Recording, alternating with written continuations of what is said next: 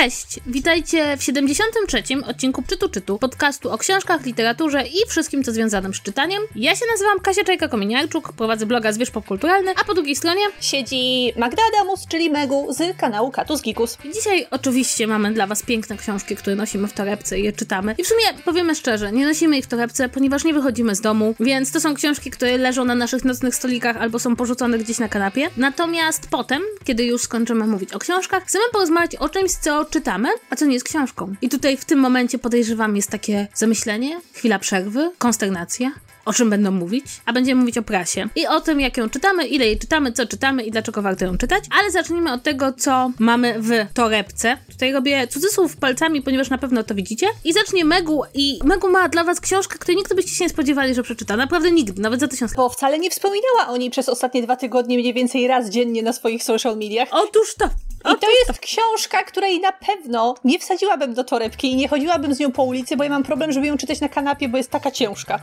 Jest to książka wydawnictwa poznańskiego, tłumaczenie z angielskiego, My Naród, Nowa Historia Stanów Zjednoczonych, autorstwa Jill i teraz przepraszam, bo ja nie wiem jak się czyta to nazwisko, Lepore albo Lepore? Nie, Lepore nie, nie ma akcentu nad E, więc Jill Lepore to jest amerykańska historyczka. Co ciekawe, ona wcześniej napisała książkę o historii Wonder Woman i ja o tym nie miałam zielonego pojęcia, bo wygląda na to, że ona zahacza o takie różne dosyć ciekawe okresy i aspekty historii w swojej twórczości, a tych y, różnych opracowań jak na razie nie wydała aż tak wiele. I to jest, to jest pozycja, która wpadła w mój radar krótko przed swoją premierą, to się ukazało pod koniec zeszłego roku, bo bardzo zainteresowała mnie właśnie to podejście, bo Książka była reklamowana jako teoretycznie podręcznik do amerykańskiej historii, ale jednak z takim trochę bardziej nowoczesnym zacięciem, a jednocześnie z innym podejściem niż większość podręczników. I rzeczywiście coś w tym jest. Ja tylko dodam taką uwagę, że ja to wszędzie reklamowałam pod tytułem Nowa historia Stanów Zjednoczonych, tymczasem pod tym tytułem rzadko kiedy to wyskakuje, że trzeba wpisywać my naród. To jest tłumaczenie tytułu, które nie oddaje za bardzo tego, o co chodzi w w oryginalnym tytule, ponieważ oryginalny tytuł to jest These Truths, czyli te prawdy i to jest taki motyw, który w podejściu tej historyczki bardzo mocno przebrzmiewa przez całą tę książkę. To jest ogromna cegła, ponieważ ona ma 850 stron, przy czym wiadomo, zawiera mnóstwo przypisów, ich jest chyba stron 150. Połowa obejmuje czas do XX wieku, druga połowa obejmuje czas do nie do czasów dzisiejszych, ponieważ jak, jakże barwne nowe wydarzenia w amerykańskiej historii nie są tam jeszcze ujęte, ale kończy się na 2016 roku, czyli na okresie, kiedy Donald Trump dochodzi w Stanach Zjednoczonych do władzy. I dlaczego ta książka tak strasznie mnie wciągnęła? Na tyle, że nagrywamy to 18 stycznia, ja ją dostałam pod choinkę i wciąż ją czytam i wciąż jeszcze się nie znudziłam, chociaż już miałam takie przypadki, że książki historyczne, zwłaszcza te najgrubsze, jednak po jakimś czasie mnie od siebie odrzucały i musiałam od nich odpocząć, a ta nie. Po pierwsze, chociaż, że, chociaż jest to podręcznik do historii, o czym autorka sama wspomina, że ona to napisała po to, żeby to było wykorzystywane wykorzystywane do nauczania historii Stanów Zjednoczonych. Nie jest on napisany takim językiem, jakiego byśmy się spotykali, y, jakiego byśmy się spodziewali po podręcznikach, bo jest to napisane językiem bardzo żywym, pełnym takich ciekawych i trafnych metafor. Ja tam sobie co chwilę coś podkreślam, bo mi się strasznie podoba, jak ta autorka notuje niektóre swoje obserwacje w takim, w takim bardzo ładnym języku. Nie ma tam takiego bombardowania czytelnika suchymi faktami. Tam pojawiają się nie tylko wydarzenia historyczne, historyczne i ich opisy, ale także pewna analiza tych wydarzeń z e, perspektywy tego, jak dzisiaj na to patrzymy, jak się niektóre rzeczy zmieniały. I to kluczowe hasło These Truths, czyli te prawdy, to yy, chodzi o to, że autorka przyjęła sobie takie założenie, że pisząc tę książkę, bez przerwy odwołuje się do tych najświętszych prawd amerykańskości, które miały leżeć u podwalin tego nowego państwa, miały być takim dekalogiem, tym, czym ludzie mają się kierować i z czego teoretycznie w popkulturze i w świadomości masowej Ameryka ma być do dzisiaj znana, tak? Że to jest państwo wolności, że to jest ojczyzna demokracji, że tam każdy traktowany jest równo, a Jill Lepore właśnie w tej książce na każdym kroku udowadnia, że Amerykanie sprzeniewierzyli się tym wszystkim prawdom i że to nie jest taka książka, w której po prostu odnotuje historyczny fakt istnienia niewolnictwa. Nie, ona będzie na każdym kroku przypominała, że to niewolnictwo nie tylko istniało, ale że ono było aktywnie wspierane przez ówczesnych rządzących i później przez późniejszych rządzących, którzy przez cały czas odwoływali się do tych pierwszych słów zapisanych w konstytucji, w deklaracji niepodległości, które przeczyły temu, co amerykańskie władze robiły przez te setki lat dyskryminując osoby czarnoskóre, doprowadzając do niewolnictwa, wprowadzając prawa Jima Crowa, później nie dając kobietom pełni praw i ciągle próbując odebrać im te prawa, chociażby na gruncie praw reprodukcyjnych. Więc to jest takie ciekawe spojrzenie, które na każdym kroku wytyka bohaterom tej historii ich hipokryzję. I na mnie to robi strasznie dobre wrażenie. Bardzo mi się podoba ta szczerość, z jaką autorka podchodzi do czytelnika. Wiemy, że nie chce mu tylko sprzedać faktograficznej historii, i wyliczania kolejnych wydarzeń na osi czasu, tylko że je interpretuje w konkretny sposób i pokazuje, co było złe, a co było dobre, chociaż mam wrażenie, że mniej jest tych dobrych rzeczy jednak. I, i, I dlatego właśnie ta książka tak strasznie mi się podoba. Myślę, że bardziej interesowały mnie te czasy jednak bliższe wojnie secesyjnej, właśnie działalności Lincolna, tym wszystkim debatom wokół niewolnictwa, zwłaszcza, że tam się pojawiają co chwilę takie teksty, wiesz, jakiś nie tyle kaznodzieja, ale powiedzmy jakiś socjalistyczny działacz pod koniec XIX wieku wypowiada takie słowa, że dlaczego wy ciągle popieracie tych bogaczy i stajecie po ich stronie. Biednym się przez cały czas się wydaje, że jeżeli poprą bogaczy, to po prostu to oznacza, że za kilka lat sami będą mieli szansę tak się wzbogacić i zdobyć ogromną fortunę. I to jest taki totalny mindfuck, bo to są argumenty, które my słyszymy do dzisiaj. Że do dzisiaj ludzie o mniejszych dochodach sprzeciwiają się podwyższeniu podatków dla osób, które zarabiają więcej, bo im się wydaje, że sami mają perspektywy stania się ogromnie bogatymi i kiedyś ta podwyżka podatków dotknie ich osobiście, chociaż jak pokazuje historia, no kurczę, no nigdy tak nie jest, nigdy to się nie udaje. No i poza tym mnie osobiście bardzo ten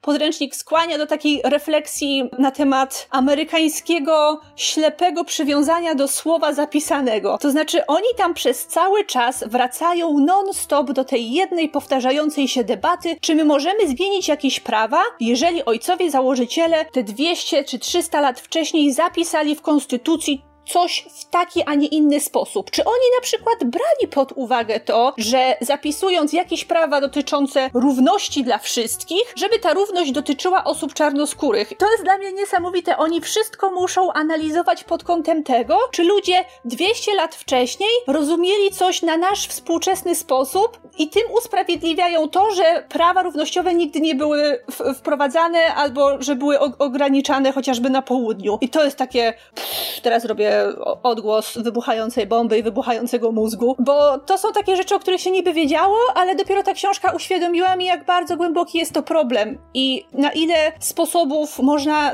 wracać co chwilę do tych rozkmin, do tych analiz i to jest strasznie ciekawe, bardzo daje dużo do myślenia, a jednocześnie ta książka wyszła w idealnym momencie, kiedy w USA teraz zaczęły się dziać dziwne rzeczy, które też, umówmy się, mają swoje źródła w historii, w różnych zachowaniach promowanych w Ameryce, w powtarzających się identycznych błędach rządzących, którzy robią wiecznie to samo i nigdy nie uczą się na tych błędach. Więc czytanie takich książek bardzo pozwala, bardzo pomaga w tym, żeby zrozumieć, jak do tego doszło, że USA wyglądają tak, jak wyglądają w tej chwili. I ja jestem tą książką zachwycona, strasznie mi się podoba jest to rzeczywiście wymagająca czasu i krzepy lektura. Naprawdę jest mi ją bardzo ciężko trzymać w rękach, no nie ukrywam. I ja ją serdecznie wszystkim polecam, zwłaszcza osobom, które interesuje historia Stanów Zjednoczonych, bo wydawałoby się, kurczę, że taki kraj, który istnieje tylko te 500 lat na mapie, no to w takim wielkim podręczniku już się uda wcisnąć wszystkie fakty, wszystko, co jest najważniejsze na temat historii Ameryki, ale jednak jest tam wciąż mnóstwo rzeczy, które zostały pominięte, bo musiały być pominięte. Nie jest to bardzo, bardzo, bardzo szczegółowa historia. Na przykład, i dostawałam takie pytania, ile razy pojawia się Hamilton w tej książce? Rzeczywiście Hamilton się pojawia, ale na przykład już nie jest odnotowany fakt jego smutnego zgonu, co oburzyło mnie wielce. I nie jest to książka o Aleksandrze Hamiltonie. No, też tak o, o, oczekiwałam, że będzie, będzie tego więcej, no ale, no, ale nie. No, y, jednak było tam mnóstwo innych ciekawych postaci, które zrobiły trochę więcej i należało im oddać więcej akapitów. Więc fani Aleksandra Hamiltona znajdą jego historię w książce o Aleksandrze Hamiltonie, a niekoniecznie w nowej historii Stanów Zjednoczonych Jill Lepore. Przyznam ci szczerze, że bardzo mnie wzruszyłaś wizją, że można byłoby zmieścić historię Stanów Zjednoczonych w jednym, nawet bardzo grubym tomie, bo kiedy ja się uczyłam historii Stanów Zjednoczonych, to trzytomowe opracowanie zawierało sam XX wiek polskie, więc miałam takie poczucie, że nie, to jakby, jakby nie, nie da się wcisnąć historii Stanów Zjednoczonych w jedną książkę. A słuchaj, bo wydaje mi się, że po polsku to wyszło czy, czy tutaj już mylę? To wyszło jako ludowa historia Stanów Zjednoczonych? Ludowa historia, czytam, jejku, to jest Jest inny... ludowa historia Polski. Ale i wyda, i wydaje mi się, że po prostu połączyłaś te dwie książki, one wyszły w identycznym czasie i cieszyły się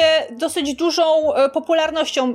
Jeżeli ktoś chociaż raz kliknął w internecie jakąś książkę o historii, to pewnie dostawał reklamy tego przez cały czas. Ale nie, to są, to są osobne rzeczy. Ludowa historia Polski wyszła osobno, a to jest osobna książka. Tego trochę żałuję, dlatego że prawdę powiedziawszy, historia Stanów Zjednoczonych opowiedziana z punktu widzenia tych klas niższych układa się trochę inaczej niż historia opowiedziana z punktu widzenia klas decydujących, więc ale to, to co mówisz jest bardzo ciekawe i wydaje mi się, że też jest na to teraz duże zapotrzebowanie. Mam wrażenie, bardzo często, kiedy widzę reakcje na rzeczy, które się dzieją w Stanach, że jednak mimo wszystko, jeśli zna się Stany Zjednoczone wyłącznie z popkultury i nie spędziło się czasu na śledzenie ich historii, na taką pogłębianie świadomości, jak, jak ten kraj jest zbudowany, jak jest zbudowany prawnie, jak jest zbudowany historycznie, to bardzo trudno się rozeznać w tym, co się teraz dzieje i dlaczego pewne rzeczy mogą się zdarzyć, jak pewne rzeczy się nie mogą zdarzyć, jak był ten moment tego szturmu na Kapitol. To miałam takie wrażenie, że po, patrząc po komentarzach, że bardzo wyraźnie nie stykała się ta wiedza z popkultury z tym, co się działo na naszych oczach i też jakby nie było do końca zrozumienia, kim są ci ludzie, skąd oni się wzięli, w ogóle jak działa cały ten mechanizm i wydaje mi się, że to jest bardzo fajnie właśnie sobie teraz przeczytać taką książkę, bo mam, mam takie wrażenie, że im więcej się wie i to jest jakby bardzo proste wrażenie. Im więcej się wie, zwłaszcza jeśli im bardziej nasza wiedza jest zakorzeniona w historii, tym mniej się troszeczkę boimy, dlatego że zdajemy sobie sprawę, skąd się pewne rzeczy biorą i pewne rzeczy nie są dla nas takim szokiem. Na przykład dla mnie ten atak na Kapitol był takim, powiedziałabym, bardzo umiarkowanym szokiem i, i czymś, co wydaje mi się nie wykraczało poza moje postrzeganie Stanów Zjednoczonych. Natomiast miałam wrażenie, że dla bardzo wielu osób to było absolutnie szokujące, że coś takiego mogło się zdarzyć w Stanach. No a im więcej się zna historii, im więcej zna się jakby mentalności, właśnie tego, co ty mówisz, na przykład układu prawnego w Stanach Zjednoczonych, który jest po prostu, tak jak mówisz, fakt, że tam Sąd Najwyższy interpretuje non-stop tą konstytucję i jest taki rodzaj prawników, takich literalistów, to znaczy jeśli czegoś nie ma w konstytucji, to tego nie ma, co jest w ogóle absolutnie paranoiczne, biorąc pod uwagę w jakim momencie historii jesteśmy, w jakim momencie byli ludzie, którzy tą konstytucję pisali, że wydaje mi się, że tak, że taka książka naprawdę może się przydać. Nawet jeśli nie czytana na, w całości naraz, to przynajmniej stojąca na półce, żeby można było do niej zajrzeć w jakimś momencie kryzysowym. Więc, więc wydaje mi się, że nie tylko, nie tylko fajnie, że o niej mówisz jako po prostu o dobrej literaturze, ale też do mnie ciągle ktoś pyta, co przeczytać, tak? I rzeczywiście coś, co jest pomyślane jako podręcznik, byłoby bardzo fajnym punktem odniesienia. Więc fajnie, że to wyszło na polskim rynku i właśnie teraz, kiedy, kiedy mam wrażenie, że bardzo dużo osób ma potrzebę, żeby nagle zrozumieć Stany Zjednoczone, co wcale nie jest proste, zwłaszcza, zwłaszcza jeśli jest się tak jak w Polsce wychowanym trochę na micie Stanów, prawda? Bo jesteśmy wszyscy, zwłaszcza z tych roczników, e, są rocznikami transformacji, wychowywanych przez naszych rodziców, którzy mieli te takie dwa, dwie antytezy, prawda? Wschód i Zachód i, prawda, e, te Stany Zjednoczone rosły jako to wspaniałe imperium, a tymczasem są, jest to mało wspaniałe, a coraz też mniej imperium. Wydawałoby się, że takie pierwsze, może nie pierwsze, na pewno nie dla nas, to nie były pierwsze pęknięcia, które pojawiały się na idealnym wizerunku Stanów Zjednoczonych w popkulturze, wybuchły w momencie, kiedy zaczęły się tam e, protesty Black Lives Matter, zwłaszcza te najgorętsze w zeszłym roku ze e, wszystkimi zamieszkami, ale jednak nie. Wciąż dużo osób potrzebuje takiej pomocy w zrozumieniu, jak to tak naprawdę jak do tego doszło, jak zrozumieć to, dlaczego Amerykanie zachowują się tak, a nie inaczej. I ja sobie pomyślałam, że takim, takim zestawem pierwszej pomocy w tej sytuacji byłaby ta książka, czyli yy, jeszcze raz, My Naród, nowa historia Stanów Zjednoczonych Jill Lepore, dorzucić do tego gniew Tomasza Markiewki, który już tutaj polecałyśmy w podcaście, i jeszcze kolejną książkę wydaną przez wydawnictwo Czarne, czyli Fabrykę Nienawiści. Mata Tajbiego bodajże, który opisuje krajobraz medialnej Ameryki, jak tam się mówi o polityce w mediach, jak się wykorzystuje te wszystkie toksyczne mechanizmy, żeby napuszczać ludzi na siebie i żeby podkreślać niektóre rzeczy, minimalizując inne, a przez to oddziaływać na emocje. To są takie trzy książki, które myślę, że bardzo w takiej sytuacji mogą mogą pomóc zrozumieć, skąd to się wszystko wzięło. Ja bym jeszcze posypała to. Niedawno wyszła nowe, nowa właściwie po polsku. Książka jest stara, ale wyszła po polsku zapiski syna tego kraju, Jamesa Baldwina. To jest taki intelektualista, myślicie, czarnoskóry amerykański, który jak nikt pisał o bardzo skomplikowanej relacji czarnoskórych Amerykanów względem ich społeczeństwa, względem państwa, względem walki o własne prawa. I jak się to przeczyta, to człowiek na przykład Black Lives Matter rozumie dużo, dużo lepiej niż kiedykolwiek. Więc to jest taki nasz pakiet pomocowy. Tak, jeżeli chcecie zrozumieć aktualne wydarzenia w USA, to możecie sięgnąć po te cztery książki i zaręczamy, że one wam wiele, wiele wyjaśnią. A także wzbudzą zainteresowanie tak, żeby czytać dalej. Dobrze, a ja nas przeniosę zupełnie gdzie indziej. Zupełnie. W ogóle zabiorę nas ze Stanów Zjednoczonych i zabiorę nas do Polski, ale to na dodatek nie do Polski współczesnej. Otóż wydawnictwo Dowody na istnienie wydało książkę absolutnie cudowną i absolutnie niesamowitą. Otóż książka nazywa się Smutek Ryb. Jej autorką jest Hanna Kral. Hanna Kral jest słynną reportażystką i przez bardzo wiele lat pracowała w tygodniku Polityka. Ale w latach 80., e, za czasów stanu wojennego, wielu dziennikarzy odeszło z tygodnika Polityka na znak protestu i między innymi odeszła Hanna Kral. No i wyobraźcie sobie, jesteście reporterką znaną ze swoich doskonałych reportaży, ale jednak mimo wszystko jest stan wojenny, nie za bardzo je ktokolwiek was zatrudni, nie za bardzo jest gdzie pracować. I Hanna Kral, żeby nie musiała prowadzić tramwaju, przyjęły wiadomości wędkarskie. No i co robią wiadomości wędkarskie z Hanną Kral? A właściwie co Hanna Kral robi w wiadomościach wędkarskich? Otóż dostaje własny felieton, który staje się tak cyklem rozmów. Cyklem rozmów o rybach, bo przecież są to wciąż wiadomości wędkarskie, ale nie z wędkarzami, ani ze ich teologami, ani ze specjalistami od ryb, tylko z ludźmi z najróżniejszych dróg życia i z najróżniejszych zawodów. I są tam rozmowy z Jerzym Szackim, wybitnym, wybitnym wybitnym socjologiem, z Henrykiem Samsonowiczem, wybitnym historykiem, z antropologami, astrologami, historykami sztuki, historykami literatury. I słuchajcie, te, fel te felietony, ta rubryka otrzymywała się przez jakiś czas, potem oczywiście, no jak to bywa w takim kraju, jakim był wówczas PRL, Hanna Kral skończyła współpracę z wiadomościami wędkarskimi, ale te felietony jakby istniały w świadomości jako taki, można byłoby powiedzieć, właściwie nie felietony, wywiady, istniały w świadomości jako taki z dosyć zabawny epizod w historii polskiego dziennikarstwa. I jakiś czas temu ja o tym przeczytałam w ogóle, że coś takiego było i to mnie bardzo rozbawiło, a potem dowody na istnienie to wydały. I słuchajcie, nie jest to gruba książeczka, jest to książeczka dosyć cienka, pięknie wydana, ze wspaniałymi ilustracjami. W tym ma się te kolejne wywiady z ludźmi nauki, bardzo humanistami, wybitnymi. No. Ja z olbrzymiego podręcznika Jerzego Szackiego uczyłam się na studiach socjologicznych, chyba wszyscy się uczą. Także uczyłam się z książek Henryka Samsonowicza. I te kolejne rozmowy o rybach są fascynujące. I są fascynujące niekoniecznie dlatego, że są o rybach. I to jest tak, że prosisz kogoś, żeby pogadał z tobą o, o rybie w historii, czy o rybie w socjologii, czy o rybie w antropologii, czy astrologii, ale dlatego, że przez ten jeden mały temat, jakim są ryby, które są jakby takimi stworzeniami, które są wszędzie, jakby każda kultura miała z nim jakiś, jakąś styczność, dostajemy opowieść tak naprawdę o ludziach. O ludziach, którzy szukają znaków, symboli, którzy starają się jakoś ten świat ułożyć, którzy próbują jakby jakoś okiełznać przez symbol w sztuce, czy przez symbol religijny tą rzeczywistość wokół nich. I to jest fascynujące, bo to jest taka książka, która jest taka bardzo wieloaspektowa. Ma mnóstwo, jest mnóstwo pięknych bonmotów. W pierwszym wywiadzie Jerzy Szacki opowiada o tym, że ludzie spotkali się z rybami, no bardzo późno w całym ciągu historycznym istnienia ryb, że my jesteśmy takim mgnieniem w istnieniu ryb i że być może znikniemy, a ryby będą nadal i że ryby nie będą za nami tęsknić. Jest to taki bardzo, powiedziałabym, piękny, piękny opis jakby tego, gdzie mamy się plasować na tej, na tej linii czasu. Ale to, co mnie najbardziej uwiodło w tej książce, właśnie przez to, że to są rozmowy bardzo różnoaspektowe, to widzimy, jak ludzie cały czas kodują świat, jak wszystko jest symbolem, jak cały czas próbujemy sobie znaleźć jakiś wytrych, żeby, żeby pokazać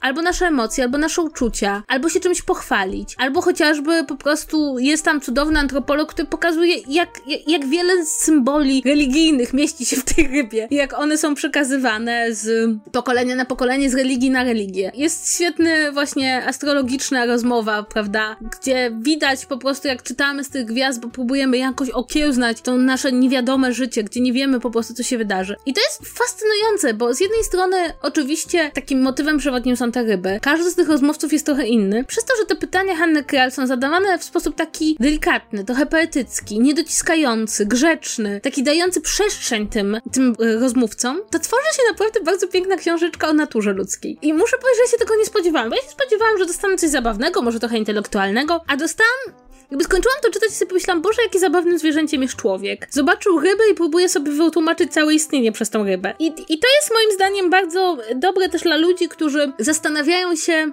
czy może nawet nie do końca rozumieją, po co są nam nauki humanistyczne. Bo to jest taki przegląd przez te nauki humanistyczne, który pozwala nam w jakiś sposób zrozumieć, że każda z nich zajmuje się jakimś elementem działalności człowieka i tak naprawdę wszystkie razem składają się na to, że jakoś sami siebie lepiej rozumiemy i widzimy, jak właśnie bardzo naszym, naszym całym życiem rządzą pewne skróty, symbole, że to, co jest na danym obrazie, może coś znaczyć, że to, o czym ktoś pisze, może, może w jakiś sposób być przenośnią tego, jak chce opisać o człowieku. No świetny jest tam esej, taki rozmowa ze specjalistką od Naukowskiej, która mówi o tym właśnie, że w prozie Naukowskiej się pojawiają te ryby i cierpienie tych ryb, a potem Naukowska jest świadkiem cierpienia człowieka, już nie potrzebuje tych ryb jako przenośni. I to jest takie też poruszające, prawda, że czujemy się dobrze w świecie tych metafor do momentu, kiedy życie nie dostarcza nam czegoś, co jakby wychodzi poza metaforę. W każdym razie, muszę wam powiedzieć, że ja byłam naprawdę poruszona tą książką, bo się czyta coś pomiędzy reportażem, pomiędzy po prostu ciekawymi rozmowami, a jakąś taką trochę filozoficzną, trochę poetycką nawet miejscami, bo rzeczywiście ci rozmówcy mają bardzo piękne frazy, refleksją nad, refleksją nad tym, kim jesteśmy. I też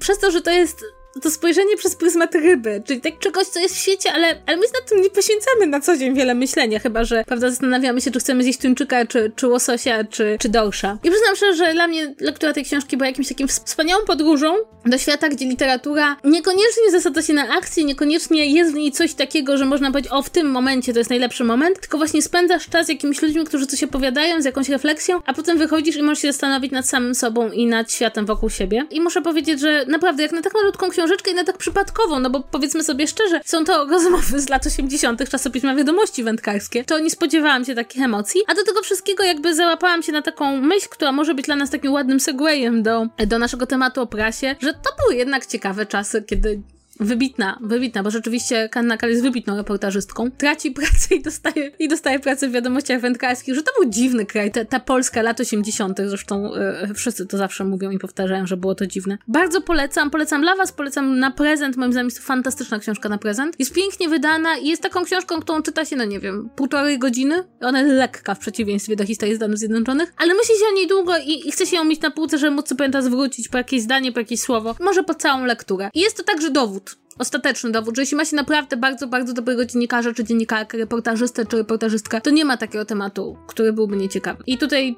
ryby są najlepszym, najlepszym przykładem na to, że dobry temat jest dobry. I to, to tyle z mojej strony. Widzisz, Megu czyta dwa tygodnie grube książki 800 stron, a ja czytam książkę, która ma stron chyba niecałe 100. Więc to są nasze różnice czytelnicze. Różnice czytelnicze to nie są dwa słowa, które jestem w stanie powiedzieć ładnie.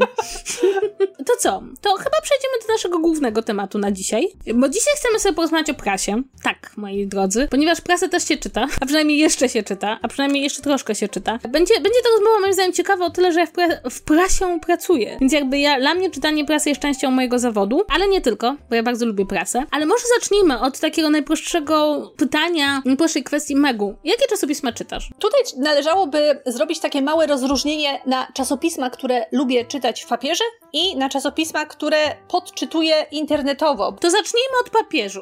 Od papieża.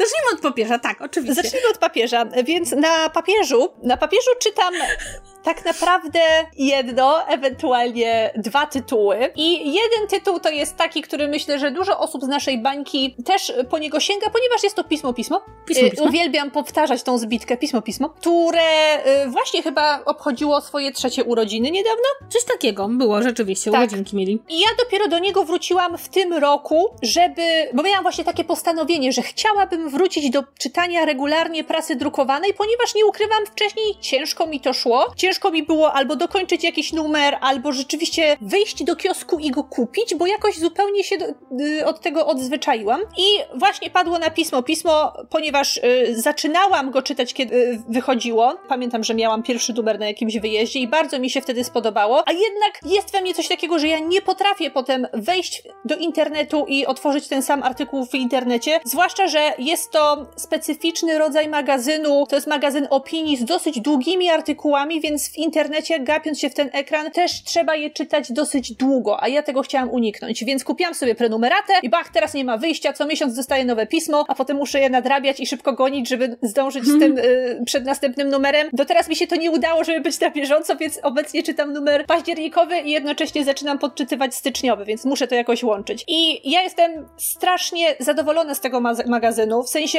bardzo mi się podoba format, bardzo mi się podoba to, że tam są komiksy, że tam są wiersze, że tam są piękne okładki. Świetne jest to, że oni każdy numer wydają też w formie audio, więc jak ja idę ze słuchawkami na uszach na spacer, to mogę sobie puścić jakiś artykuł i go posłuchać jako podcastu, a niekoniecznie czytać na papierze, chociaż to było moim przecież y, głównym powodem, dla którego zaczęłam y, to pismo kupować. Ja mam tak, też taki, powiedzmy, mniej miły aspekt związany z pismem, to znaczy jeszcze żaden numer pisma, jak długo mam prenumeratę, nie przetrwał u mnie w całości, ponieważ Tyrion zawsze go znajdzie i zawsze go pogryzie. Ja już po prostu nie wiem, co ja mam z tym kotem zrobić. On ma swoją własną vendettę przeciwko kartonom i papierowi, więc y, każdy skrawek papieru... Szubie zjada każdy karton, tak. Tak, nie, on niesie, niesie zniszczenie każdej ce celulozie i e, celuloza nie ma z nim łatwo, a że ja lubię zostawić gazetę w toalecie, no to zawsze o tym zapomnę, żeby ją schować, który ją, ją dopadnie i czasami muszę się domyślać, co było w niektórych zdaniach,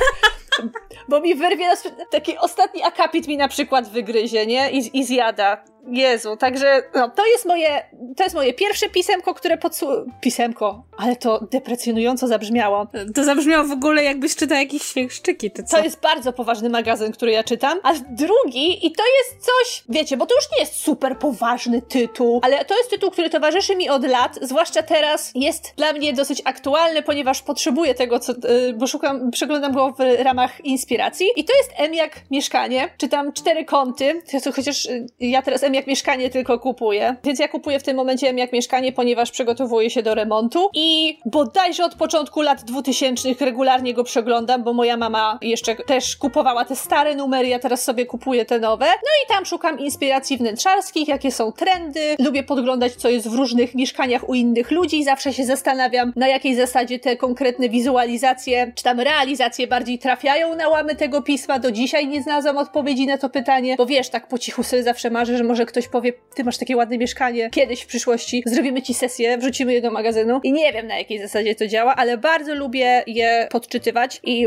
znajduję w nim wiele takich rzeczy, które potem chciałabym wprowadzić u siebie. Więc to są takie rzeczy papierowe, które czytam. No internetowych jest więcej, ale ja ich też tak nie czytam od deski do deski, bo się nie da, prawda? Mam prenumeratę na wyborczą i 16-letnia Megu po prostu przewraca się teraz e, w, w historii, bo ja będąc dziecięciem nienawidziłam Gazety Wyborczej, młodym prawicowcem będąc, potrafiłam celowo mojemu tacie rozlać jego kawę na wyborczą, jak czytał.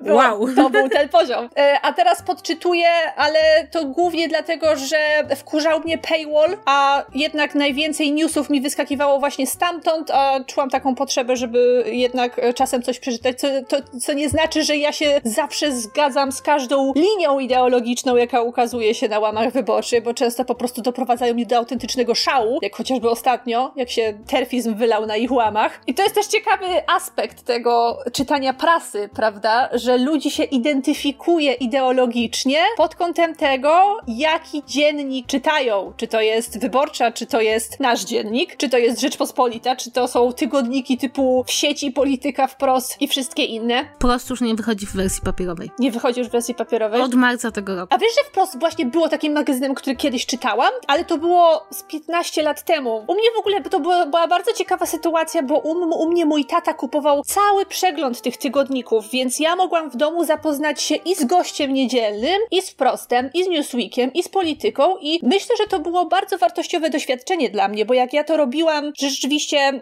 czytałam regularnie wszystkie z nich, mając te lat naście, mogłam łatwo zaobserwować, że rzeczywiście każda gazeta podchodzi do, do przedstawiania różnych spraw trochę inaczej i że jednak istnieje coś takiego jak ideologiczny profil w prasie. Konkretni redaktorzy, którzy chcą, żeby żebyś interpretował konkretne wydarzenia w konkretny sposób. Myślę, że to bardzo pozytywnie wpłynęło na to, jak ja teraz odbieram prasę ogólnie i że nauczyło mnie pewnego rodzaju krytycyzmu, że wiem, że nie zawsze można w 100% ufać każdemu redaktorowi i to było bardzo cenne doświadczenie. A tak to staram się sięgać po różne rzeczy. W tym momencie bardziej w internecie działa to na takiej zasadzie, że podczytuję ten artykuł, który mi wyskoczy, albo taki, który ktoś linkuje. Lubię zaglądnąć do tygodnika powsze powszechnego ostatnio. Tam y, ukazywało się bardzo dużo, czy wciąż się ukazuje dużo wartościowych tekstów, ale są to też takie magazyny trochę, trochę bardziej niszowe, na przykład magazyn Kontakt, w którym y, nasz kolega Staszek y, pisuje, ponieważ jest to taki Od magazyn... Od razu dodajmy, że nasz kolega Staszek to Staszek Krawczyk. Staszek Krawczyk, Nie wszyscy właśnie. wiedzą, że nasz kolega Staszek to, to ten Staszek. Powinnam była zapamiętać nazwisko. Bo to jest magazyn katolicki, ale taki, kato taki katolików wysuniętych bardzo na lewo, więc to jest, to jest mi tak powiedzmy trochę bliższe. Więc tak, myślę, że parę tytułów wymieniłam. Oczywiście nie przypomnę sobie teraz wszystkich, ale jestem pewna, że ty będziesz miała ich więcej, bo tobie płacą za to, żebyś ty czytała tę prasę. Tak, no to znaczy, powiedzmy od razu, że kiedy ja czytam prasę w pracy, a muszę to robić, ponieważ robimy, prowadzimy archiwum wycinków z prasy polskiej, to ja ją czytam trochę inaczej niż się czyta prasę, jak na przykład y, kupuję ją dla siebie, dla przyjemności. No nie ukrywam, że to daje mi bardzo dobre, podejrzewam, że jedno z najlepszych w kraju rozeznanie, to jest w jakim magazynie, bo większość osób nie zdaje sobie sprawy, co pisze co tydzień Gazeta Polska, Gość Niedzielny, Tygodnik Nie, Tygodnik Powszechny, Newsweek, polityka, czy chociażby czasopismo Najwyższy Czas, którego staram się nie czytać, ale, ale przychodzi do naszego, do naszego archiwum, czy chociażby tygodnik Solidarność i zdaje sobie sprawę na przykład, jak one się zmieniały na przestrzeni lat, bo na przykład takie czasopismo jak do rzeczy przeszło niejedną metamorfozę, a w sieci to już w ogóle trudno to nazwać czasopismem, to jest po prostu, to jest po prostu takie miejsce, gdzie ludzie, którzy są związani z partią rządzącą mogą albo wykupić reklamę, albo dostać taki bardzo kurtuazyjny wywiad. Natomiast to czytam dla siebie, jakby, bo tutaj oddzieliłabym to, to czytam z obowiązku od tego, co czytam dla siebie, bo jakby z obowiązku to dla mnie jest to czytanie takie, że ja szukam po prostu, jeśli jest w naszym dzienniku wywiad z ministrem sprawiedliwości, to to dla mnie jest ciekawe, tak? I nie chodzi o to, że chcę czytać nasz dziennik, tylko chodzi o to, że nie można przegapić wywiadu z ministrem sprawiedliwości, jeśli się prowadzi archiwum. Natomiast, no sama bym nie sięgnęła po nasz dziennik. Jakby nie, nie powinno to być zaskoczeniem. Co czytam dla siebie? Przede wszystkim z, w papierze powiem, co czytam. Czytam czasopismo Ekrany. To jest miesięcznik, czasem dwumiesięcznik wydawany przez e, Filmoznawstwo Krakowskie i on zaczął jako taki, takie czasopismo, które moim zdaniem było dosyć niszowe i było bardzo dla filmoznawców, ale ostatnio wyrosło moim zdaniem na najciekawsze czasopismo filmowe, jakie w ogóle wychodzi w Polsce.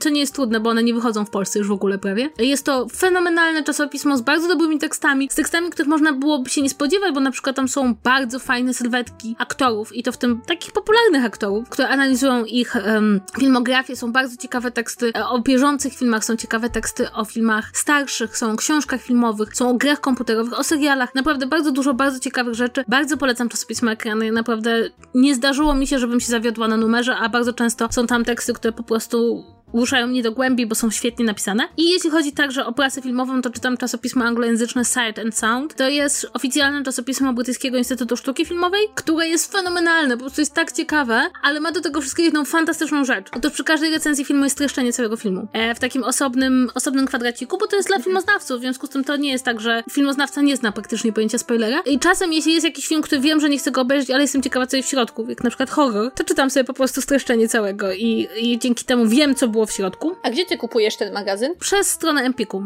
sprowadzam sobie, ale ogólnie można sobie zaprenumerować z Polski, można go zaprenumenować online i można w papierze. Do tego oczywiście zaglądam do czasopisma Kino. Czasopismo Kino jest bardzo dobre i bardzo szanowane i w ogóle, ale bardzo często zdarza mi się nie przeczytać go do końca. I teraz są dwa czasopisma kolejne, które czytam w papierze. To jest magazyn książki, magazyn do czytania, Agory, który jest poświęcony książkom. I pamiętam, ja go czytam od pierwszego numeru i od pierwszego numeru on mnie strasznie denerwuje. I to jest, wydaje mi się, e, taki life-hate relationship. E, mój hate brał się na początku z tego, że oni głównie pisali o książkach anglojęzycznych, co mnie strasznie wkurzało, bo jednak polski czytelnik, no, ma prawo oczekiwać czasopisma o, o książkach, które wychodzi po polsku, że będzie tam więcej polskich książek. Teraz jest tam więcej polskich książek, ale niekoniecznie zgadzam się z każdą ich recenzją albo z każdą ich diagnozą literatury. I czytam magazyn Nowe Książki. I tak jak ty lubisz mówić pismo-pismo, tak samo ja mówię, lubię mówić nowe, nowe książki. Magazyn Nowe Książki jest magazynem, który składa się właściwie wyłącznie z recenzji.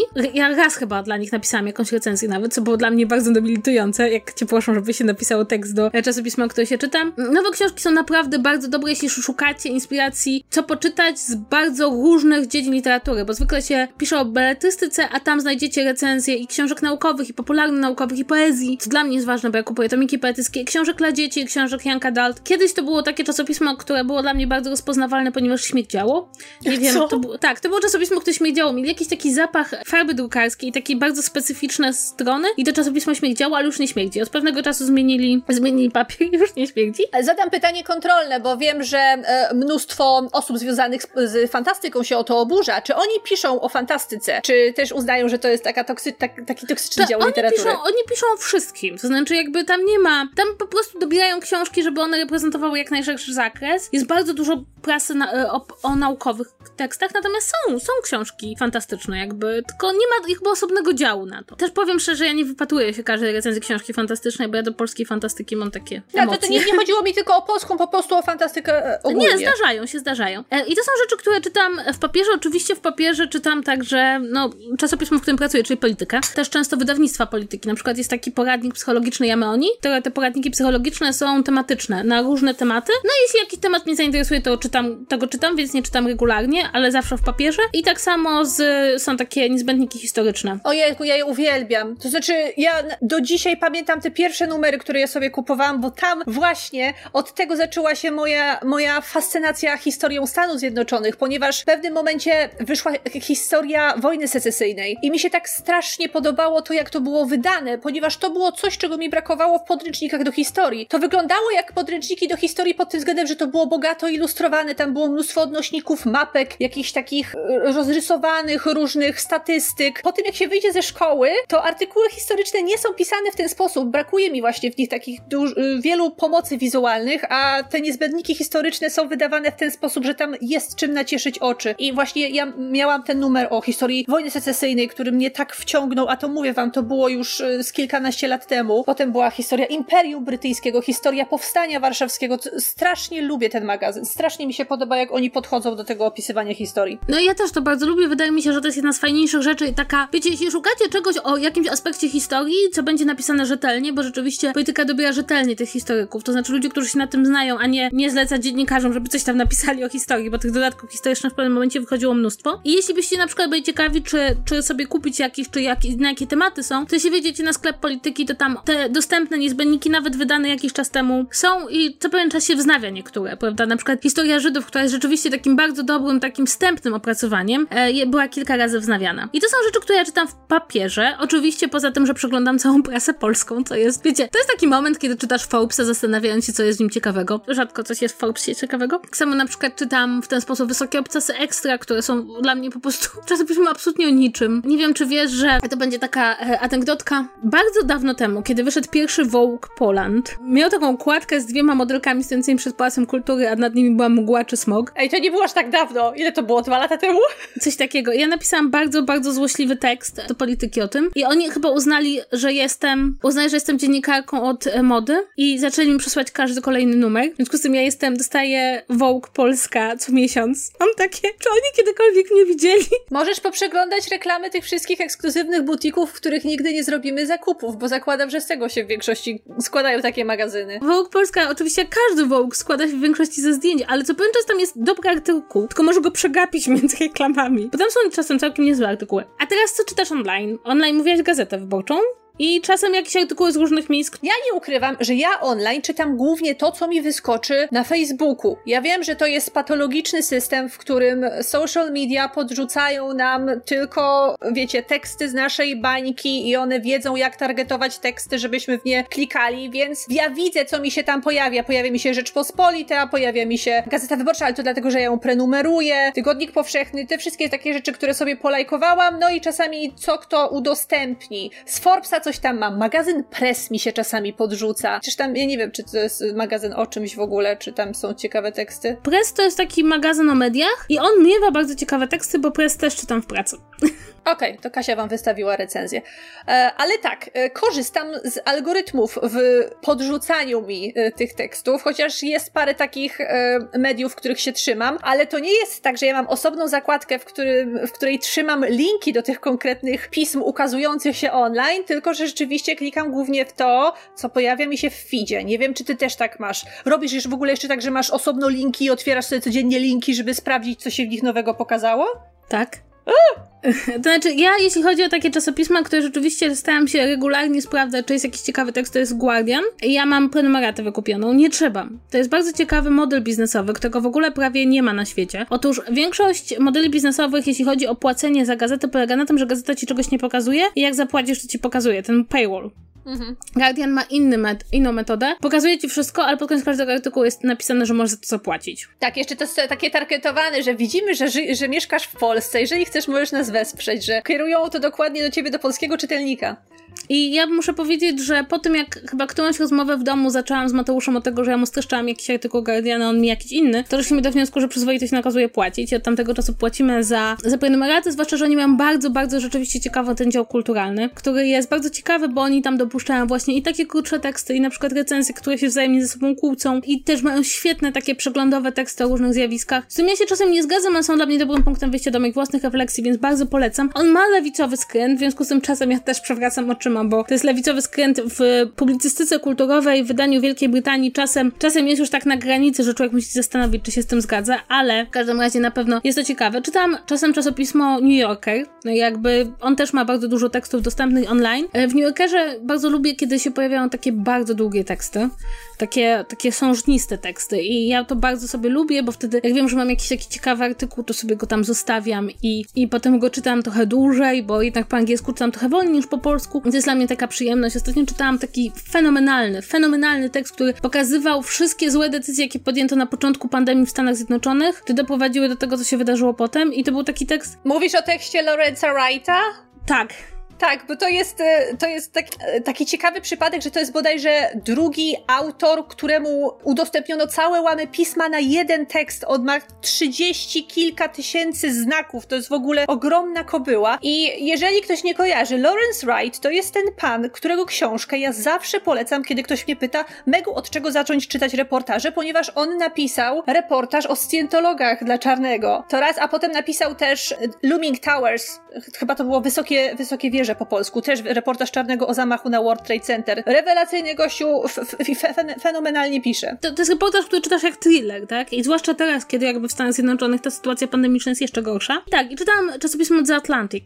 The Atlantic to jest takie czasopismo, które ma takie duże, sążniste teksty, bardzo często fascynujące zupełnie, ale też na przykład czasami, bo, ponieważ ja bardzo lubię właśnie takie długie, sążniste teksty, w związku z tym czasem na przykład czytam e, GQ, zwłaszcza amerykańskie, ma i o kulturze popularnej aktorach, ale czasem o zupełnie innych tematach i tak samo Esquire amerykański ma czasem takie właśnie duże, sążniste, ciekawe teksty. Tego bardzo pożądam, w związku z tym dużo tego szukam. A żeby nie wyszło, że czytam wyłącznie prasę zagraniczną e, online, to czytam oczywiście, znaczy oczywiście, czytam gazetę wyborczą absolutnie siłą nawyku, ponieważ tak jak ty mówisz, że czytałaś e, e, od lat nastoletnich, no to ja chyba pierwszy raz zaczęłam świadomie czytać gazetę wyborczą w podstawówce, bo mi tata jest w ogóle uzależniony od gazet, mi tata musi mieć gazety, w związku z tym też zaczęłam ją czytać i jest to jedna z tych rzeczy, którą tak dosyć już absolutnie z przyzwyczajenia czytam. Czytam Tygodnik Powszechny, bo tam są bardzo często ciekawe teksty. Czytam kulturę liberalną. Kulturę liberalną poczytuję, bo moich wielu znajomych tam pracuje po prostu i jak chcę wiedzieć, co oni myślą na jakiś temat, to poczytuję w kulturze liberalnej. Także czytam Kontakt, bo no właśnie, bo mamy znajomego Staszka. I ogólnie rzecz biorąc, ja jakby e, dosyć świadomie sobie dobieram ten zestaw magazynów i czasopism, no ale ja jestem w bardzo specyficznej sytuacji. To znaczy jestem w tej specyficznej sytuacji, że mam dostęp właściwie prawie nieograniczony do prasy. To znaczy, jeśli coś wychodzi w Polsce, no to ja jakby idąc do pracy mogę mogę sobie do tego zajrzeć. I powiem wam szczerze, że tak naprawdę jeśli chodzi o czytanie prasy, dlaczego to ma sens? Ja uważam obecnie, że czytanie dzienników ma umiarkowany sens, bo dzienniki moim zdaniem w Polsce oczywiście są czasem ciekawe teksty dziennika, ale moim zdaniem jakby coraz mniej one mają tą funkcję informacyjną, bo to załatwia nam internet. Natomiast moim zdaniem bardzo ma sens czytać tygodniki, bo tygodniki bardzo często porządkują pewne rzeczy, tak? Jakby coś się działo, coś się wydarzyło, nie wiem co się wydarzyło i przychodzi tygodnik i nam to jakoś porządkuje, czy zbiera informacje informacje, a mam takie wrażenie, że jak rozmawiam z ludźmi o różnych wydarzeniach społecznych czy politycznych, to że bardzo często widzą tylko początek albo wpadają w środek i nie umieją sobie sami połączyć tych wszystkich punktów. No i ja, ja tutaj nie mogę wam powiedzieć, jakie tygodniki czytać, tak, bo, bo jakby pomijając fakt, że pracuję w jednym z nich, to jednak mimo wszystko mm, one są rzeczywiście uzależnione od waszych poglądów politycznych. Natomiast rzeczywiście bardzo często to takie większe teksty prasowe, czy takie teksty prasowe, które powstają po czasie, pozwalają pewne rzeczy sobie ułożyć. E, są dobre tygodniki, mają co pewien czas takie teksty, które przypominają nam o korzeniach pewnych mechanizmów, tak? Zwłaszcza w przypadku polityki. Ja ciągle jak ktoś mnie pyta o politykę w Polsce, to mnie pyta, Kasia, a jaką książkę mam przeczytać, żeby zrozumieć, co się dzieje obecnie w polityce w Polsce? Ja mam takie, kurcze, nie ma takiej książki jednej, która by wam wszystko wyjaśniła, ale co pewien czas rzeczywiście w czasopismach pojawiają się takie teksty przekrojowe, które przypominają, nie wiem, skąd się wzięli Kaczyńscy w polskiej polityce, albo przypominają nam, jak wyglądają te wszystkie boje z o, z Kościołem o aborcję na przestrzeni lat, prawda, że to nie jest ostatnie, ostatni moment.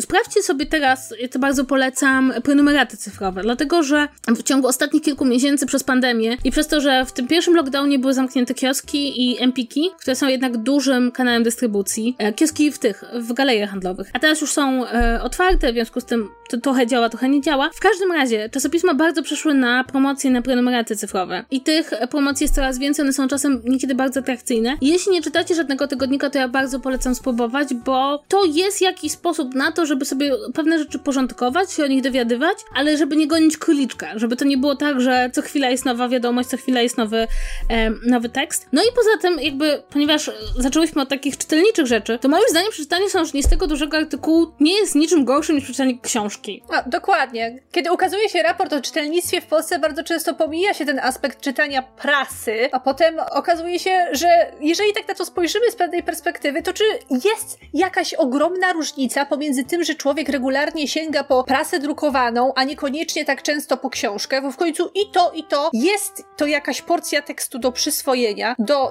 zanalizowania takiego wewnętrznego i do zrozumienia, więc prasa jest często pomijana w takich analizach, a myślę, że wiele osób, które po książki nie czyta, o wiele częściej sięgnie po jakiś dziennik albo tygodnik chociażby. Więc myślę, że warto na to zwracać uwagę. A jeżeli mówisz o prenumeratach, to niektóre, niektóre magazyny w formie cyfrowej dają dostęp do swoich artykułów za jakieś, na jakichś śmiesznych warunkach. Na przykład, żeby poczytać tygodnik powszechny. Ja nie wiem, czy wiecie o tym, ale nie trzeba nawet im płacić tej prenumeraty. Wystarczy się zarejestrować na ich stronie, a wtedy ma się dostęp do sześciu artykułów miesięcznie za, za darmo, bez wykupywania tak naprawdę płatnej subskrypcji. I myślę, że to jest y, bardzo ciekawy sposób, no taki ekonomiczny, powiedzmy, żeby zacząć jakoś wchodzić w to regularne czytanie prasy. Tak, no i plus jest rzeczywiście taki, że naprawdę bywają, czy to w prasie polskojęzycznej, czy anglojęzycznej, absolutnie fantastyczne teksty dziennikarskie, które no jakby sprawiają, że bardzo dużo się nad nimi myśli, które do człowieka wracają. Jest taki absolutnie fenomenalny artykuł, który mi zawsze 11 września przychodzi do głowy. Jest artykuł analizujący jedno zdjęcie spadającego mężczyzny zrobione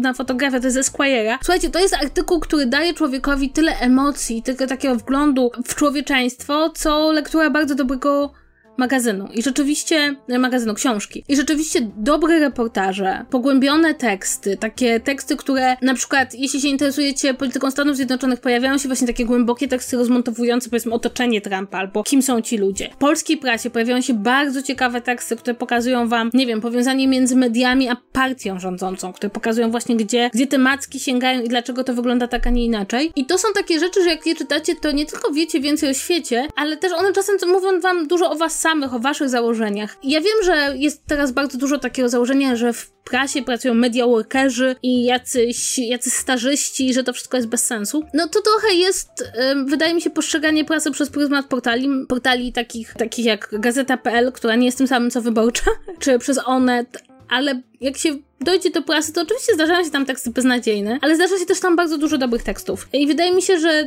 mm, takie odżegnywanie się całkowicie od prasy i zdawanie się wyłącznie na internet i to nie na czytanie prasy w internecie, bo to jest okej, okay, tylko zdawanie się wyłącznie na nasz feed na Twitterze czy na nasz tweet na Facebooku, e, to może się okazać, że umknie nam trochę dobrej takiej literatury, która ma swoją proweniencję prasową. Więc ja bardzo polecam i naprawdę nie odkładajcie prasy do grobu, bo też jest coś takiego, że jeśli czytacie zwłaszcza papierową prasę, razy, to jak siadacie z jakimś magazynem, który wam wybiera te tematy, ktoś wam wybrał, redaktor, i nie rozprasza was tym, że jest milion różnych rzeczy, ktoś zjadł obiad, a tu ktoś pisze, nie wiem, o, o mediach, a tu ktoś o pandemii, tylko macie magazyn i ten magazyn wam, ktoś wybrał tematy, ktoś tak go zbalansował, że ten był trochę zabawny, trochę współcześnie, trochę z przeszłości i spotykacie się z tymi myślami i nawet jeśli się z nimi wszystkim zgadzacie, no to przez chwilę zanurzacie się w świat tematu, który ktoś dla was wybrał. I to jest bardzo ciekawe. Powiem wam, że to jest bardzo miła rozgrywka, ale też intelektualnie przeczytanie chociaż jednego czasopisma od deski do deski to jest naprawdę coś, co, co potrafi nam dobrze zrobić. A co myślisz generalnie o takim podejściu? Bardzo, bardzo idealistycznym, ale mam wrażenie, że ono jak bumerang wraca we wszystkich dyskusjach takich światopoglądowych, że zawsze powinno się korzystać z różnych źródeł i że powinno się sięgać w takim samym stopniu po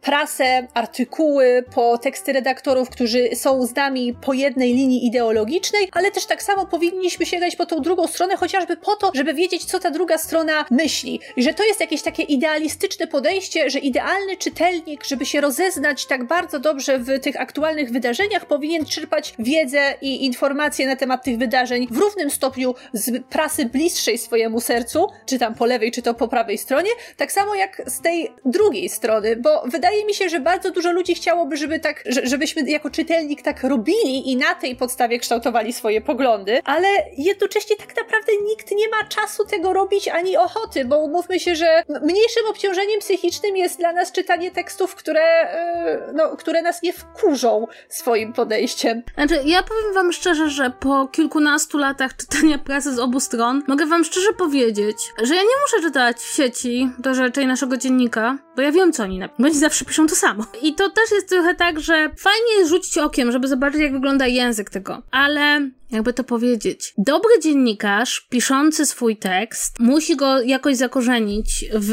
faktach, w dokumentach, w rzeczach, które piszą inni. Dlatego nasze archiwum robi wycinki ze wszystkich gazet, że kiedy dziennikarz przychodzi do nas napisać swój tekst i chciałby materiały, to dostaje materiały ze wszystkich stron. On jako dziennikarz i na tej podstawie może to napisać. Natomiast my jako czytelnik absolutnie mamy prawo wybierać. Wiecie, no ja jestem jednak trochę zaangażowana w to wszystko, więc nie chciałabym, nie chciałabym jakby cokolwiek powiem, to ludzie powiedzą, a tak, bo pracujesz w polityce. Bardzo często czasopisma, które po prostu ich nie obchodzi rzeczywistość, ich obchodzi to, żeby było zgodnie z ich profilem. Oczywiście na każdy rzecz należy patrzeć z wielu aspektów, ale to nie znaczy, że musimy to wszystko czytać.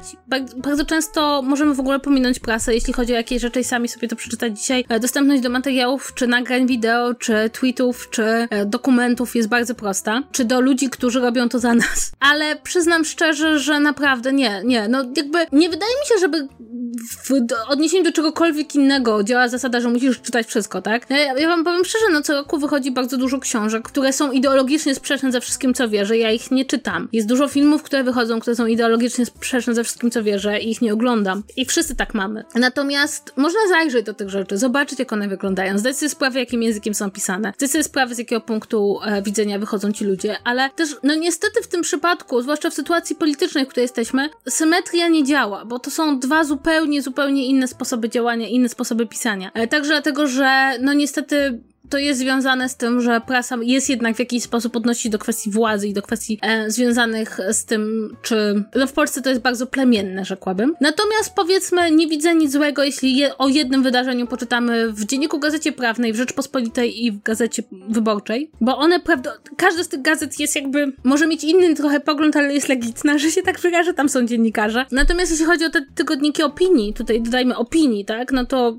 no ja, ja mam bardzo niskie, zwłaszcza o w sieci. To, w sieci to jest bardzo. A już Gazeta Polska tego się nie da czytać. Więc nie, więc ja uważam, że to, to jest bardzo utopijne i, i też w innej sytuacji politycznej może bym się z tym zgodziła, ale nie w sytuacji politycznej, jaką mamy teraz, tak? Nie chcę się w to bardziej zagłębiać, bo mówię, nie jest to, trudno, trudno zachować jakiś taki super obiektywny ton, kiedy się pracuje w tygodniku opinii, tak? Ale, ale może tak, zajrzyjcie sobie raz do rzeczy i w sieci i zrozumcie, że to nie jest do końca to samo, co po prostu Newsweek czy polityka dla drugiej strony. Możecie zajrzeć do Tygodnika Powszechnego. Jak jest wielka dyskusja o kościele w Polsce, możecie zajrzeć do Tygodnika Powszechnego, bo Tygodnik Powszechny będzie wychodził z innego punktu niż polityka, ale tam nadal pracują prawdziwi dziennikarze. Tak, zgadzam się. A propos, już nie pamiętam którego magazynu, nie w sieci, bo w sieci to ja nigdy nie czytam, ale a propos do rzeczy, to ja mam taką dosyć ciekawą obserwację, bo ja pamiętam, że on, ta, to pismo zaczęło wychodzić w momencie, kiedy ja byłam bardzo po tamtej stronie i rzeczywiście je czytałam i ono rzeczywiście na początku mi się podobało. I w tym momencie po nie nie sięgam, więc nie wiem, wiem jak bardzo profil i poziom się zmienił, czy tam spadł, ale ja y, pamiętam, że to też była dla mnie wartościowa lekcja, że będąc po, będąc osobą o bardzo konserwatywnych poglądach niegdyś, czytając właśnie e, pismo do rzeczy, ja wtedy zaczęłam zauważać, czytając, o mój Boże, nie uwierzysz kogo, chociażby felietony Ziemkiewicza tam e, się chyba ukazywały, to był ten moment, kiedy ja zaczęłam stwierdzać, nie zgadzam się z tymi ludźmi, nie podoba mi się ton, w jakim się wypowiadają, nie podoba mi się to, że widzę, że próbują mną manipulować w niektórych momentach, że ja po, potrafię jasno powiedzieć, w, w, który, w, którym momencie jest tutaj jakaś, e, jakiś podstęp wobec mnie jako czytelnika zastosowany i to, to, mi, to mi dużo dało tam lata później, kiedy zaczęłam odchodzić od czytania takich rzeczy. Od razu chciałabym powiedzieć, że na przykład ja jestem bardzo stanowcza, jeśli chodzi o kwestie polityczne, ale zdarzało mi się na przykład, bo to jest bardzo ciekawe, bo zarówno w sieci, jak i też ma całkiem niezłych recenzentów filmowych. I zdarzało mi się tam czytać recenzje, które były w ogóle w poprzek linii polityki pisma i się z nimi zgadzać. Mhm to też jest tak, że zdarzają się w każdym czasopiśmie, nawet, nawet no może nie, w, naj, w, niektórych czasopismach się nigdy nie znajdą, ale czasem zdarzają się w czasopismach takie rubryki, czy takie osoby, czy takie teksty, które same w sobie nie są złe, żeby, ale one bardzo często są właśnie albo w dziele kulturalnym, czasem są w dziele historycznym, bo choć historia jest niesłychanie jakby przefiltrowana przez politykę, to czasem zdarza się jakiś historyk, który napisze coś, co nie jest nieprawdą. Więc jakby daję to jako dowód, że ja zauważam, jakby zauważam, że tam są też przebłyski dobrych tekstów. Tak, to nie jest tak, że to jest tylko wszystko złe, chociaż większości jest. Także e, mamy nadzieję, że przedstawiłyśmy Wam jakiś e, ciekawy przekrój różnych tytułów, po które można sięgać i przekonałyśmy Was do tego, że e, czytanie, że czytu czytu to nie tylko książki, nie tylko wielkie cegły, nie tylko o, bardzo poważna literatura, ale że czytanie innych źródeł, jak chociażby prasa, również podpada pod y, tą szlachetną aktywność czytania czegokolwiek i powinno się wliczać do raportu o czytelnictwie w Polsce. Ja przepraszam, ale wy mnie to jakoś strasznie mocno sieci, strasznie mnie to denerwuje, że oni tego nie liczą. Ale oni liczą ilość teksty powyżej jakiejś ilości stron, więc chyba artykuły się wliczają. No, aha, czyli to będzie, ale to będzie zalicza, y, zależało od rodzaju artykułu i od jego długości. Tak, to znaczy wydaje mi się, że tam jest taki, taka taki sposób liczenia, że teksty powyżej jakiejś ilości stron. Ale przyznam szczerze, że ja mam alergię na raport dotyczący czytelnictwa w Polsce. Tak, ja, ja też. I... Ponieważ co roku jest wobec tego taka sama dyskusja, ja już mam znaczy, dosyć. Ta sama gorycz przeze mnie też przemawia, no dlatego, że on jest wykorzystywany bardzo często do takiego oh, nawalania w dosyć, dosyć klasistowski sposób yy, i wywyższania samego siebie, yy, tylko na podstawie tego raportu o czytelnictwie. Ale myśmy bodajże miały chyba kiedyś cały odcinek na ten temat, kiedy się wyzłośliwiałyśmy na, na te, na temat tego raportu, także nie będziemy do tego wracać. Możecie nam napisać w komentarzach, jaką prasę wy czytacie, bo po prostu tych tytułów jest tak wiele, że my prawdopodobnie no nie miałybyśmy szans ani sięgnąć po wszystkie, ani nawet wiedzieć o wszystkich. Jest przecież mnóstwo pism hobbystycznych, o grach komputerowych i tak dalej, i tak dalej. Więc w zależności od tego, kogo co interesuje, to e, po inne rzeczy będzie sięgał. My się skupiłyśmy na takich bardziej medialnych tytułach, powiedzmy, takich, e, które, no głównie na tytułach związanych z publikowaniem opinii na różne tematy, tak? Czy to e, tematy kulturowe, czy to tematy polityczne, czy to tematy społeczne. Także e, mamy nadzieję, że ten temat był dla Was ciekawy, chociaż nie za bardzo w naszym stylu, bo e, zrobiłyśmy w tym tygodniu coś innego. Tak, i obiecujemy, że następny odcinek już będzie o książkach, książkach. Tylko po prostu musicie zrozumieć, że od pewnego czasu chodziły za nami takie tematy, które są około książkowe i cały czas mówiliśmy, że a zrobimy je potem, zrobimy je potem i w końcu wyszło, że mamy jeden około książkowy odcinek po drugim, ale po prostu jak za, jak za podcasterem czy podcasterką chodzi temat, to jeśli go nie zrealizuje, to on tam będzie za nim chodzić po, na wieczność i ta prasa gdzieś tak nas siedziała, żeby o nim pogadać. I tak, jesteśmy bardzo ciekawe, co czytacie, co polecacie, co polecicie Megu, która dekoruje swój dom i chciałaby wiedzieć, skąd czerpać inspirację. Nie, no nie dom, nie przesadzajmy, nie będę miała domu, to zabrzmiało teraz bardzo wielkopańsko. Jeśli, jeśli pracujecie w czasopiśmie cztery kąty i umawiacie na, na sesję zdjęciową albo jak mieszkanie, to Megu czeka, naprawdę, ona tutaj już czeka. E, słuchajcie, jest to także jeden z bardzo ważnych odcinków, ponieważ żadna z zamówionych książek nie była wydana przez wydawnictwo Czarne. W związku z tym to jest niesamowity przypadek. I bardzo się cieszymy, że jesteście z nami. Pamiętajcie, że trochę się zmieniło. Od poprzedniego odcinka mm, nie mamy już naszej własnej strony, jesteśmy na Anchorze, e, co znaczy, że ale nadal jesteśmy w Spotify'u, jesteśmy w innych aplikacjach podcastowych. Możecie do nas pisać na kontakt małpa czy to czy. Możecie oglądać nasze, oglądać nasz podcast, słuchać naszego podcastu za pośrednictwem YouTube'a i możecie nas kochać i lubić i szanować. I to wszystko. Do usłyszenia w następnym odcinku. Pa, pa. pa, pa.